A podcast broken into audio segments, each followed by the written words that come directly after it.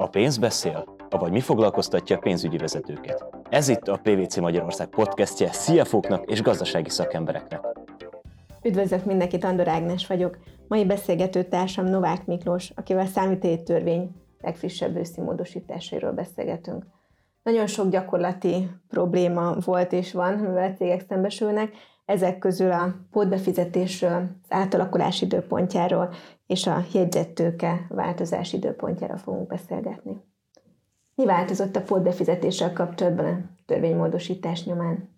Korábban a pótbefizetés jogcímén átadott összegek a pótbefizetésnek a visszafizetéséig, fennálló feltételek teljesüléséig a lekötött tartalékban kerültek kimutatásra.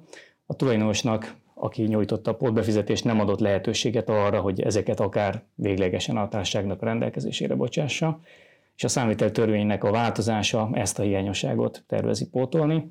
Abban az esetben, hogyha a tulajdonos a pótbefizetésből eredő követelésre vonatkozó jogáról le akar mondani, akkor a lemondásnak a napjával a lekötött tartalékként kimutatott pótbefizetést az eredmény tartalékba kell átsorolni. A társaságok többsége sokat küzdött azzal, hogy helyesen meghatározza az átalakulás időpontját.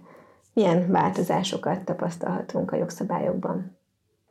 A számviteli törvény változása mögött az átalakulási törvénynek a változása áll, ami október 1-től hatályos. Az átalakulási törvény egyértelműen kimondja, hogy a jogelőtt társaságnak a változásának az időpontja és a jogutód társaságnak változásának időpontja nem eshet egy napra, tehát a hatályosulásra el kell, hogy térjen.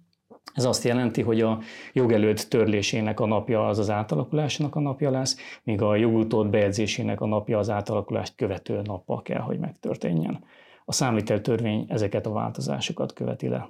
Hasonlóképpen jegyzettőke változás időpontja is alkalmazási nehézségeket jelentett a cégeknél, és hogyha jól tudom, akkor erre is választ kapunk a módosításokban.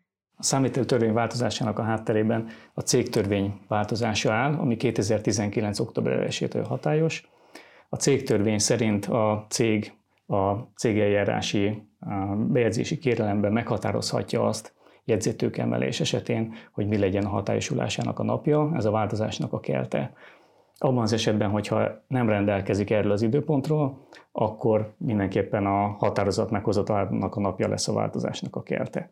Abban az esetben viszont, hogyha jegyzettőke leszállításáról döntenek, akkor a társaságnak nincsen ilyen változtatási joga, nem döntheti el azt, hogy ez mikor hatályosuljon, akkor mindenképpen a cégbejegyzésnek az időpontja lesz, ami meghatározó lesz. Ezeket a változásokat fogja lekövetni a számviteli törvény. Hamarosan újabb témával jelentkezik a Pénz beszél, a PVC Magyarország pénzügyi podcastje. A korábbi epizódok elérhetők a pvc.hu weboldalon, az ismert podcast szolgáltatóknál, illetve a PVC Magyarország Facebook, YouTube és LinkedIn oldalán. Kövessen minket!